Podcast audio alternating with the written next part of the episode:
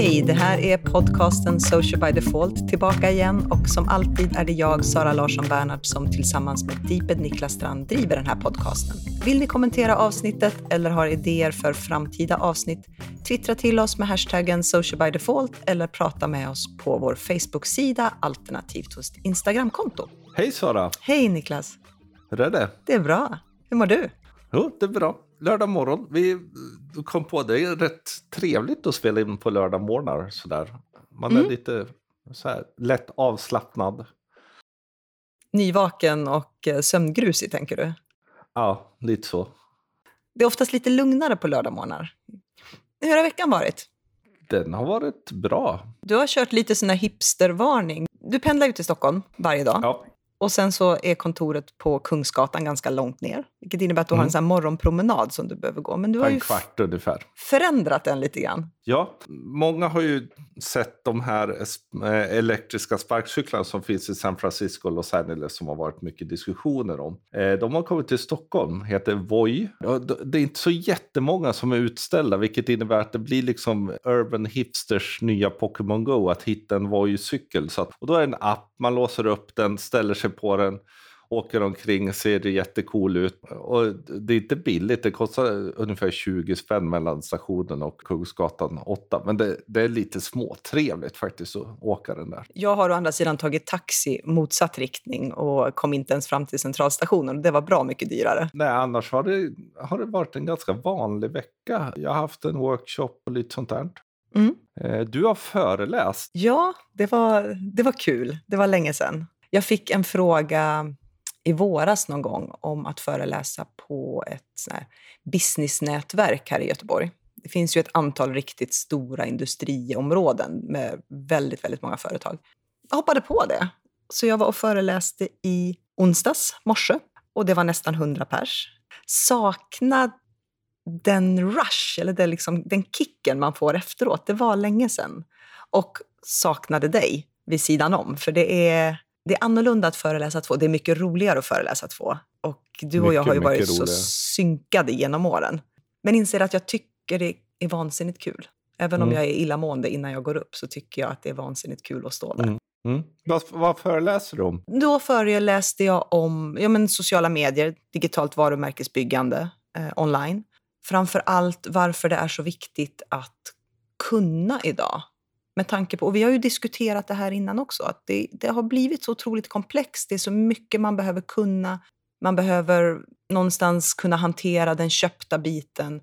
Och jag ville förmedla det till dem, att det krävs så mycket mer både insikt, passion, nyfikenhet och kunskap för att få en bra utväxling. Mm. Och jag tror att det är viktigt för mindre företag att se det och framför allt också att förstå att man behöver en frekvens som är mer regelbunden och man behöver hela tiden ha ett utifrån in-perspektiv.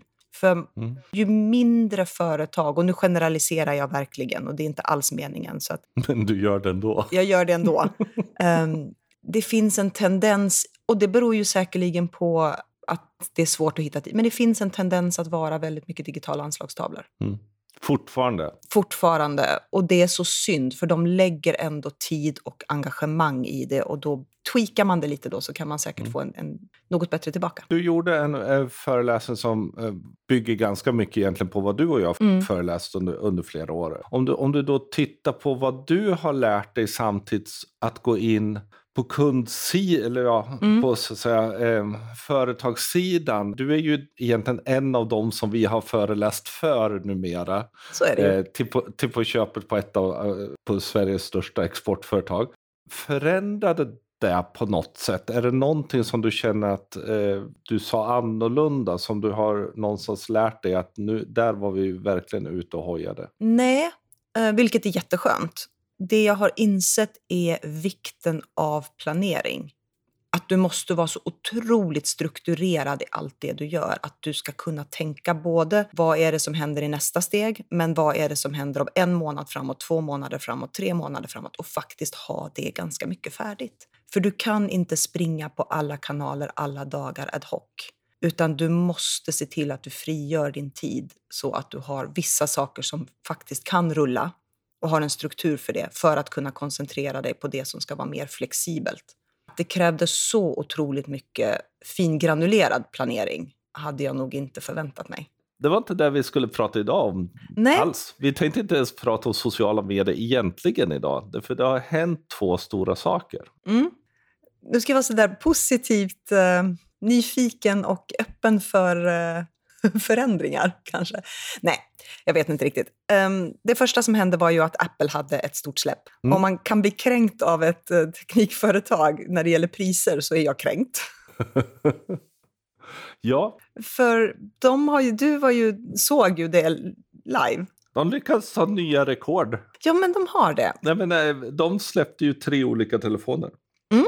Eh, vilket mm, egentligen är kanske den stora nyheten, att de släppte verkligen tre nya telefoner. Förut har de ju egentligen bara släppt iPhone och så har de ibland gjort någon gammal version lite, lite upphottad. Mm. För iPhone SE är ju gammal, gammal femma som man stoppade i sexans teknik i. Den gamla iPhone C var ju liksom en väldigt låg, eh, låg modell liksom, som verkligen fungerade riktigt, riktigt dåligt. Men nu har de ju faktiskt släppt tre olika modeller som där då den billighetsmodellen, sen kan man ju diskutera vad som är billigt i Apple-världen när den, kost, den billigaste modellen kostar 9000. Men där den billigaste modellen faktiskt eh, har samma innehåll i själva telefonen som de riktigt dyra, men skärmen är då en LED-skärm, men som de har lyckats göra så att den ser precis ut som X-skärmen, alltså att den är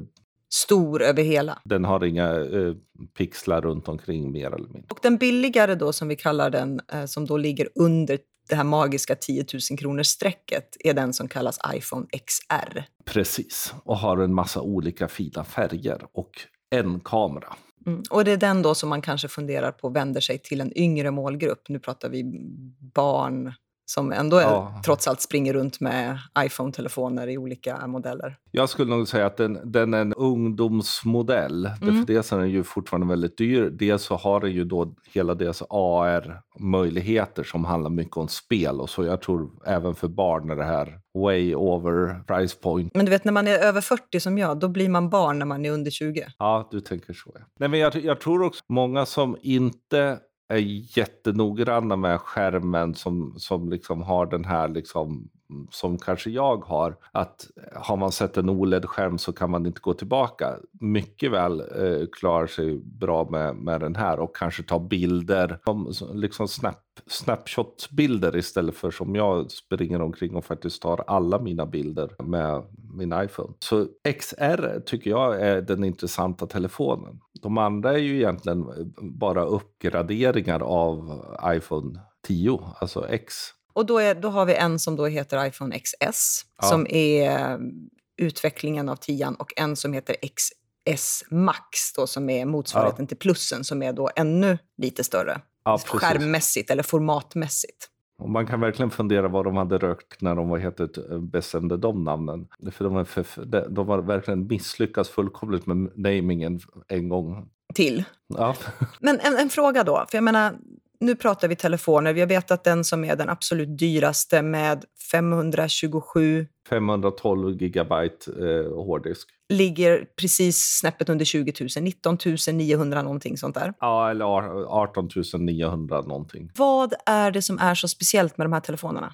Vad är det de har gjort som är nytt? Apple utvecklar ju numera allting själva, Mm. mer eller mindre. Inte skärmarna, men allt annat. Så de har ett nytt chip som heter Bionic eh, 12. A12 som är jätte, jättesnabbt. Det är så här, så här, triljoner liksom beräkningar i sekunden och det är, det bisarrt. Liksom. Och för oss som inte är lika tekniskt nördiga, vad innebär det att ett chip är snabbt? Vad är det som det kommer leverera till mig som jag upplever som en förbättring? Du kan göra mycket, mycket bättre eh, spel framförallt. Alltså Mm. det här handlar väldigt mycket om spel. Alltså det Apple har valt att satsa mest på är AR, alltså augmented reality. De släpper eh, virtual reality väldigt mycket. De har inte kommit ut med några glasögon, de, utan de tänker AR är det som vi kommer vilja ha. Eh, möjligheten att blanda verklighet och digitalt. Som vi äntligen såg lite grann början på i Pokémon Go, när om man hade liksom genomslaget på... Exakt.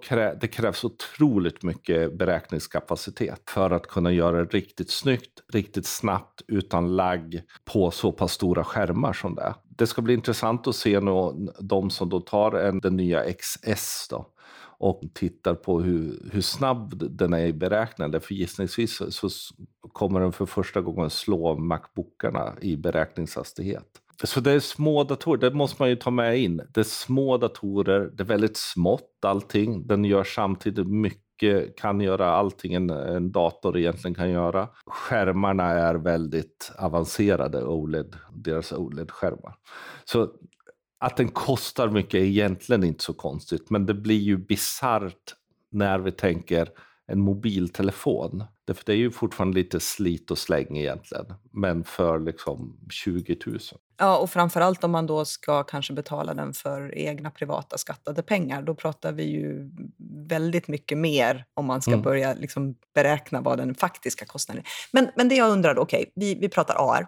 Bortsett från spel, Tänker man att man ska gå in i vissa industrisegment och kunna titta på ritningar och kunna liksom se saker? Ska telefonen användas ännu mer som ett hjälpmedel i arbetet för vissa? Ingenjörer eller ja. alltså väldigt mycket. Självklart kan det där. Jag tror egentligen inte det är telefonens grej utan där kanske blir det intressanta. Vad kommer nästa iPad att göra? Mm. Därför antagligen är, ska du jobba som ingenjör eller göra sådana saker så är egentligen iPaden stor storlek på 10,5 och 12,9. Vi vet inte om det kanske kommer andra storlekar, men den är ju ändå lite mer överblickbar. Gissningsvis så handlar det, tittar man på AR utifrån nyttoperspektiv mm. så är det nog antagligen i iPaden som vi kommer se mer där. Medan här är det nog mer underhållning, mer möjligheten till exempel att interagera i en kartapp eller sådana saker för att liksom få mer information och underhållning är nog telefonen fortfarande det intressanta. Men är vi där som människor? Jag menar att tekniken finns och tekniken eh, kan göra de här möjligheterna. Det, så har det ju alltid varit, för någon måste ju springa först. Men om vi nu pratar liksom pris, telefon, vad vi använder det till egentligen i vardagen och då möjligheterna. Springer de för fort? Börjar man tänka så, då hamnar man ju i en situation där vi inte kan innovera eftersom människor inte är där, utan det här är ju någonstans att ja, men de satsar på det här. Många kommer köpa skitdyra telefoner. Samtidigt så har de då tagit XR för att de inser att ska vi hålla uppe vår telefonnivå så mm. behöver vi en som ändå är lite billigare. Hur ofta vill de att man ska byta? Jag menar om, om man tittar tillbaka ganska långt tillbaka när liksom före iPhonen kom egentligen så bytte vi ju gärna telefoner en gång per år då var de inte fullt lika dyra, även om de var dyra mot vad de egentligen kunde göra. Hur ofta ska man byta en telefon för 19-20 000? De har ju en, egentligen en tvåårscykel.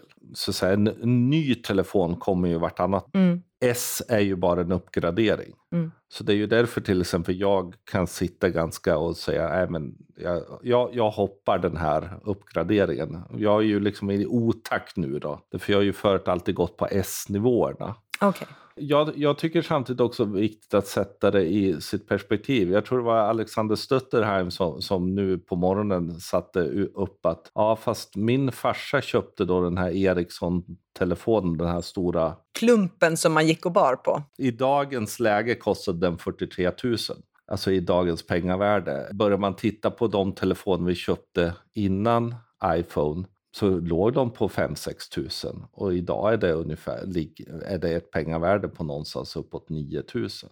Mm.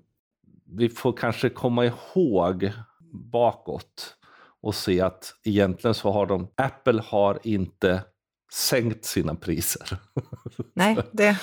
så, eh, utan de ligger i, ungefär i samma läge medan det finns idag väldigt mycket telefon som är väldigt mycket billigare. Och det var min nästa fråga. Öppnar de upp för konkurrenterna att ta större marknadsandelar? Ja, och i det här fallet så kan väl jag vara lite besviken att de inte kommer med egentligen mer grejer. Man ska komma ihåg att deras chip är antagligen världens bästa chip. Mm. Det finns ingen som slår dem på det. Men samtidigt, telefonerna, det händer inte så mycket. De har den här stora notchen, den här liksom svarta biten där uppe som alla andra telefontillverkare försöker bli av med, med ganska avancerad teknik istället. Och vi har till exempel Note 9 som ligger precis runt 10 000, Samsungs bästa stora telefon. Mm. Otrolig telefon, otrolig kamera. Som mobilfotograf kan jag vara lite sugen på att köpa en sån istället egentligen. Du har Huawei med sin P20 Pro som också är en otroligt bra, dels en otroligt bra kamera men också en snabb, bra telefon. Och med eh, mindre än en månad så släpper Google eh, Pixel 3 mm. som räknas som, för de som använder båda så står de och väger alltid mellan iPhone och eh, Googles Pixel. Mm. Därför den är så pass bra som telefon. Så på så sätt i high-end-läget har det blivit trångt. Sen kommer det ju billigare telefon. Du har OnePlus 6 som, som kommer med, med, nya som ligger runt 5-6 tusen kronor som är otroligt bra telefoner. Xiaomi så, som släpper ett antal telefoner som ligger runt 3 000-4 000 kronor som är riktigt, riktigt bra telefoner. Det är liksom inget skräp längre i de lägre utan det är bra telefon som hänger med relativt bra. Ja, det är mindre minne, det är mindre internminne, men de kör de högsta eller näst högsta Snapdragon-processorer och sådana saker. Så. Det, för det jag funderar på handlar ju någonstans om varumärkesplacering och var någonstans man kan få in en potentiell långlivad kund i ett mm. beteende. Mm. Om man tittar på, liksom, om jag ska titta utifrån mitt lilla perspektiv boendes i Sveriges näst största stad med två barn. Så de flesta kommunala skolor idag ger sina elever HP-datorer. Vilket innebär att de kommer ju lära sig det operativsystemet. Eller de får väl eh, Chrome-datorer. Det är väl mm. Chrome. Ja. Om då sen de Apple-datorerna då inte blir det, deras förstahandsval eftersom det inte är det som levereras eller erbjuds av skolorna om då inte iPhonen heller har en prisnivå som man förälder känner att det finns ett värde i att köpa till sitt barn, utan köper en annan telefon, då kommer ju de lära sig att hantera ett operativsystem från ganska tidig ålder som inte är ett Apple-system.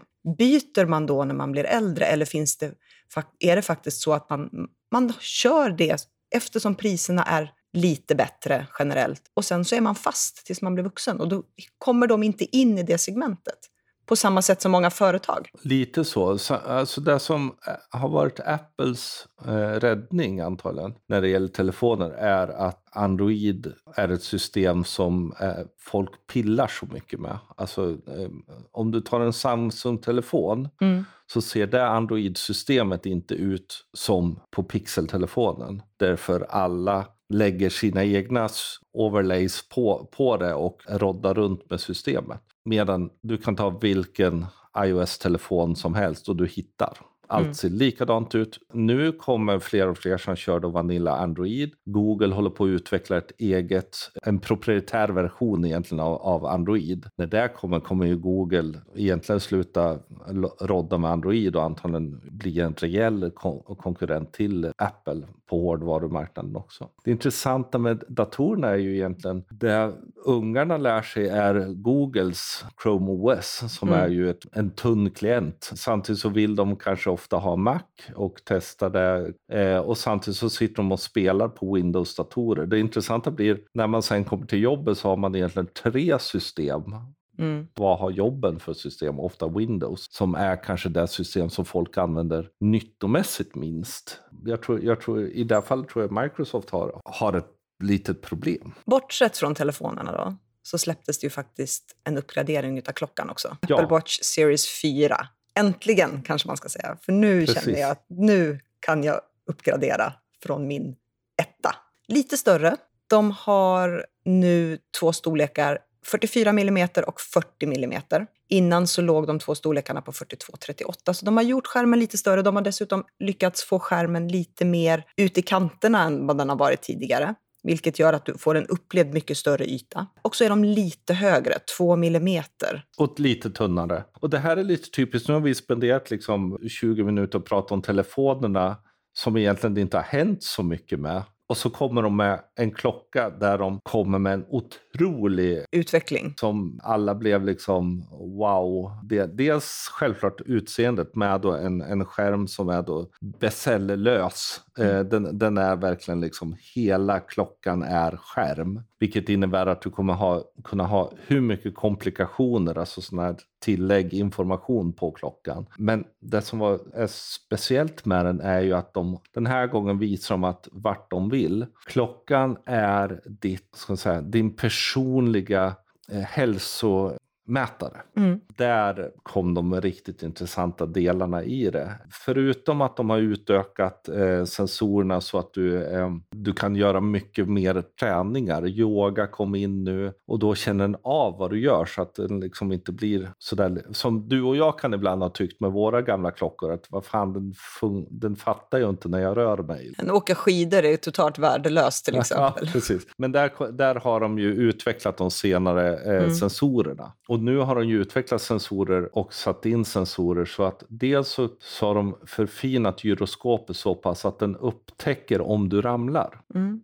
Den är ju fascinerande. Ramlar och ligger still var vi också... Ja, men dels först om du ramlar, om du ligger still någon minut så börjar den frå- fråga, ska jag ringa din eh, nödkontakt? Och det är ju helt enkelt, ja men om du ramlar i skidbacken eller sådär. Men plötsligt så blir ju det här klockor som blir intressant att köpa till gamla farmor och mormor Mm. som brukar trilla och man är orolig att de blir liggande. Men sen har de ju också utökat hela hjärtsensorn, den som är på baksidan. De har anammat det till det stressade samhället med folk som eh, har hjärtproblem och bränner ut sig och stressar för mycket och i rytmik och liknande. Ja, precis. För, förut har det ju varit om man eh, plötsligt får för hög hjärtfrekvens. Mm. Då har den ju varnat. Nu är det också om det är för låg hjärtfrekvens under en längre tid så varnar den. Plus att den kan nu känna av att just arytmi. Plus att snart, de har inte släppt det förut. De släpper i USA men sen måste de ha alla godkännanden. Eh, du kommer kunna ta ett EKG på din, med din klocka. Mm. Det är coolt. Det är riktigt coolt. Och det här blir ju bara början. Eh, och eh, de har approval från FDA då i USA. Det är sådana de måste ta i alla länder för att kunna släppa det.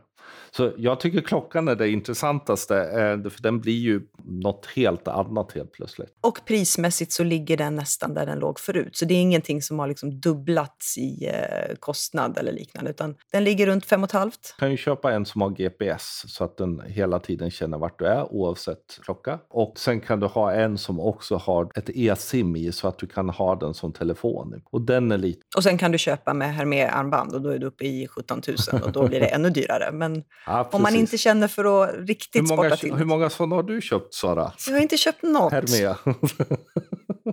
Men de ju, det finns ju fina kopior. ja, just det. Kinesiska kopior. Nej, men den, som sagt, den, den är verkligen intressant att titta på. Både du och jag var ju tidiga på klockorna och det märks att de är sega i dagsläget. Men en eh, ny klocka blir det, det- för det, det känns. Det som var fördelen är då att 42 mm banden funkar på 44 klockan. 38 mm banden funkar på 40 klockan. Så man kan inte så att säga, gå ner en storlek eh, så, men, men man kan fortfarande använda sina band, vilket ju är tacknämligt eftersom Ja. Sen gick ju enligt vissa internet som vi känner till det sönder häromdagen. Eller åtminstone ett steg närmare krackelering. EU-parlamentet i Strasbourg röstade ja till förslaget om stärkt upphovsrätt på nätet. Ganska, ganska rejält. En majoritet, 438 parlamentariker, röstade för lagen och 226 emot. Alltså det här är ju otroligt en komplex fråga egentligen. Mm. Och det handlar väldigt mycket om EU-rätt, det handlar mycket om eh, tyckanden gentemot juridik och sådana saker. Men det de har röstat igenom då, det heter Directive on Copyright in the Digital Single Market, eller som vi kallar det, copyright-direktivet. Det består av ett antal paragrafer, men de två paragrafer som vi främst har diskuterat och som vi kommer att prata om nu också handlar om paragraf 11 och paragraf 13. Paragraf 11 eh, det är det vi kallar länkskatt. Alltså att mediejättar som Google och Facebook kommer behöva betala licenser för att kunna visa länkar eller länkar till framför allt mediehus. Och paragraf 13 som då är upphovsrättslagen som tillkommer för att framför allt skydda originalverk.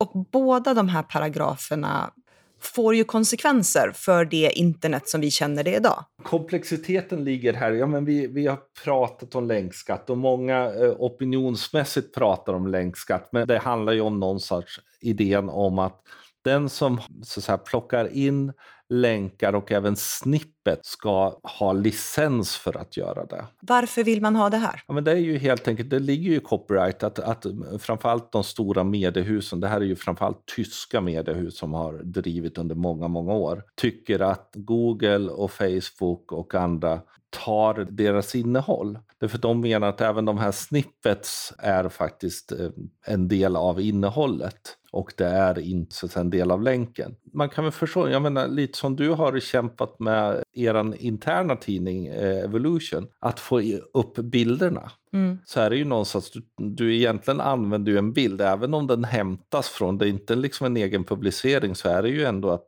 egentligen så kan man ju läsa introt. Är det väl skrivet intro så räcker det ju med att läsa det och då behöver du inte gå och då tappar de trafik. Men då, vänta, vänta, vänta, vänta, vänta, vänta. Nu måste vi backa bandet för nu måste min hjärna förstå. Så mediehusen vill inte att Google eller Facebook ska länka till deras artiklar. Med andra ord så vill de stänga av en viss del av trafiken som faktiskt går ifrån de här plattformarna till originalartikeln så att människor kan läsa. Förväntar de sig att jag ska gå in på www.dn.se och scrolla runt där och läsa? Är det det de vill? Är det därför de vill ta bort det här? Det var nog början, men de vill nog ha, både ha kakan och äta den. Utan det de tänker att vi har så bra innehåll som Google och Facebook och så vill ha i sina flöden, så då ska de betala för det. Och då blir ju följdfrågan, Google ja, vill Facebook ha det här innehållet?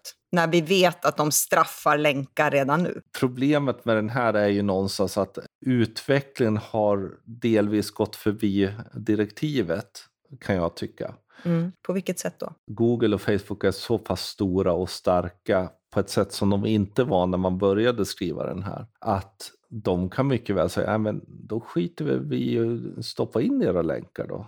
Då anställer vi oss i våra egna journalister. Och, så. Ja, men, och, och, där kan man ju se att jag menar, just paragraf 11 kan få konsekvenser. Och egentligen där jag tycker är mest problematiskt med det här är nog egentligen vad som kan vara det sluttande planet. Just som du var inne på. Ja, men de kan ju bygga sina egna mediehus, de har pengarna att göra det. Mm. Och så plötsligt så kan de andra tidningarna lalla omkring väst om gitter, men 90 procent kommer läsa liksom nyheterna som kommer från Facebook News och, eller Google Times. Men då är, då är min nästa fråga, eh, det här är EU-parlamentet som röstar igenom. Hur ställer sig andra mediehus till detta? Utländska mediehus som ligger utanför Europa? De tittar väl, tittar väl på det. För jag menar, alla mediehus kämpar ju och försöker hitta helt nya affärsmodeller. Det här är ju, en, eh, är ju någon sorts, liksom, egentligen den där, det är ju en fortsättning på liksom gnället som ändå var att oj, vi råkade ge allt gratis och nu måste ni betala och ni vill inte betala.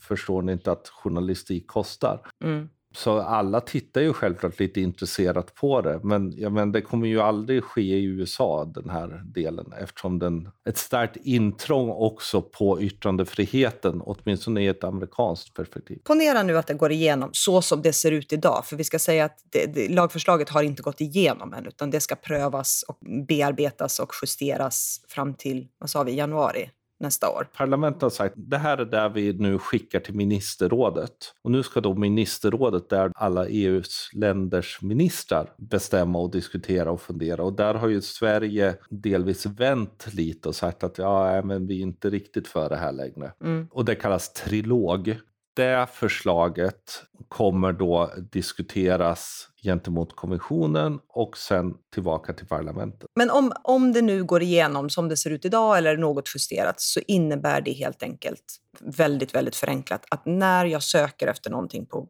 Google och de inte har licens så kommer jag inte kunna få upp nyhetsartiklar från mediehus som behandlar just det här ämnet. Och jag kommer inte kunna se motsvarande artiklar på Facebook. Det är ju en möjlig konsekvens av det. En annan möjlig konsekvens är att Google och Facebook säger ja, ja, hit us with your best shot och då blir det jättedyra böter och så kommer det vara ganska kaosigt. Så, så det vet vi ju inte. Det, det de egentligen vill åt när man läser lagtexten, ja, de vill åt Google och Facebook delvis, men de vill ju samtidigt åt de här webbsidorna som tar hela artiklar. Mm. Men där de har missat, där ligger ju någonstans att Google har ju redan löst det problemet genom duplikatsregeln mm. i, i algoritmen. Så jag menar, är du tvåa på pucken och gör ett duplikat så får du ingen synlighet. Min nästa fråga då, om man tänker utifrån ett företagsperspektiv. För jag menar, det finns ju väldigt många företag, oavsett vilken inriktning eller bransch du är i, som skapar sina egna digitala tidningar. Kommer de här tidningarna beröras av samma förslag? Det borde inte göra det. Och samtidigt är det ju i och för sig tidningens val att avkräva licens eller inte. Mm. Men samtidigt så är det också liksom, ja men vad räknas på media och det här måste ju vara någon sorts automatiserad funktion. Vilket innebär att Google kanske väljer en ganska hård algoritm gentemot det här och då kan kundtidningar råka hamna i en alltså false positiv, att de ses som ett media. Och eftersom man inte har någon licens för den så visas det inte. Så alltså, det finns en massa knepigheter i det här som inte har... Om det går igenom som det ser ut idag så kommer det krävas en hel del... Det för filtrering, och det är ju det egentligen som Paragraf 13 handlar om, är ju problematiskt. Mm. Paragraf 13 handlar ju om att man behöver, de stora nätverken behöver tillse att innehåll som är copyrightskyddat inte kan publiceras av den som inte har copyrighträtten. Och då tänker jag direkt på mems, mm. giffar mm. och liknande som vi idag ser ganska mycket. Det mm. skulle då totalförbjudas. För att det är ju ändå en, en förvanskning eller en förändring av ett originalverk. Och där hamnar vi i ett problem därför i USA har någonting som kallas fair use mm. som gör att MEMS och liknande faktiskt fungerar. Och då skulle det plötsligt inte fungera i, i Europa vilket gör att, så att säga, plötsligt blir det så här IMGUR kommer vi inte komma åt i Europa det, det, blir liksom tomt. Det skulle behöva krävas en ganska avancerad filterdel för att säga okej, okay, du är i USA, då får du se den här grejen. Du är i Europa, du får inte se den. Hur är det med musik då? För jag menar, det vet vi också. Jag har ju en favoritklipp som heter Access of Awesome som spelar, jag tror att det är runt 40 låtar med, och använder samma fyra ackord. Mm. Där det är liksom jättekända hitlåtar. Vi kommer lägga in en länk till det här eftersom vi fortfarande kan göra det och det är inget mediehus i våra show notes hur går det med sånt då? För där har du ju faktiskt en musiksekvens som är extremt likt ett originalverk som kanske gjordes för jag vet inte hur många år sedan.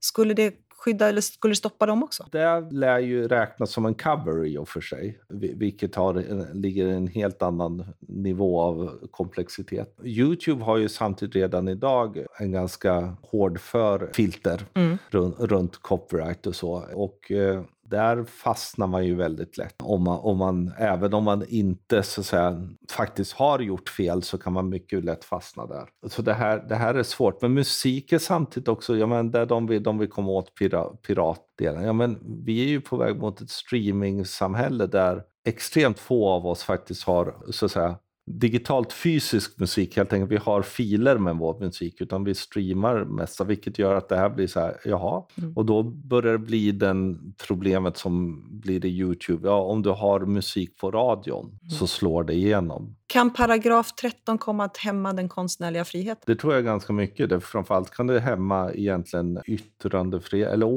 alltså möjligheten att kritisera, möjligheten att recensera, möjligheten att göra massa sådana saker. Och här, där, den här är ju mer mot oss som individer som vi faktiskt kan råka illa ut. Länk, licens, paragraf 11 har ju mest med mediehusen. Det är ju mer att vi kanske förlorar bra länkar. Mm. Men här är det också vad vi faktiskt gör ibland. Att man hittar en kul bild och gör en mem. Eller man eh, råkar spela in en film och det råkar vara en låt på radio. Mm, onekligen eh, problematiskt oavsett. Ja, och framför allt så om vi, om vi då drar ner det och knyter ihop någon säck utifrån företag, content och liknande så är ju det här, det gör det ju ännu svårare runt innehåll. Det kommer vara mycket mer komplext som du var inne på med mm. kundtidningar, lättsamt innehåll som man gärna lånar någonting någonstans ifrån. Mm. Ja, vad kommer gälla det? Som ofta är länkar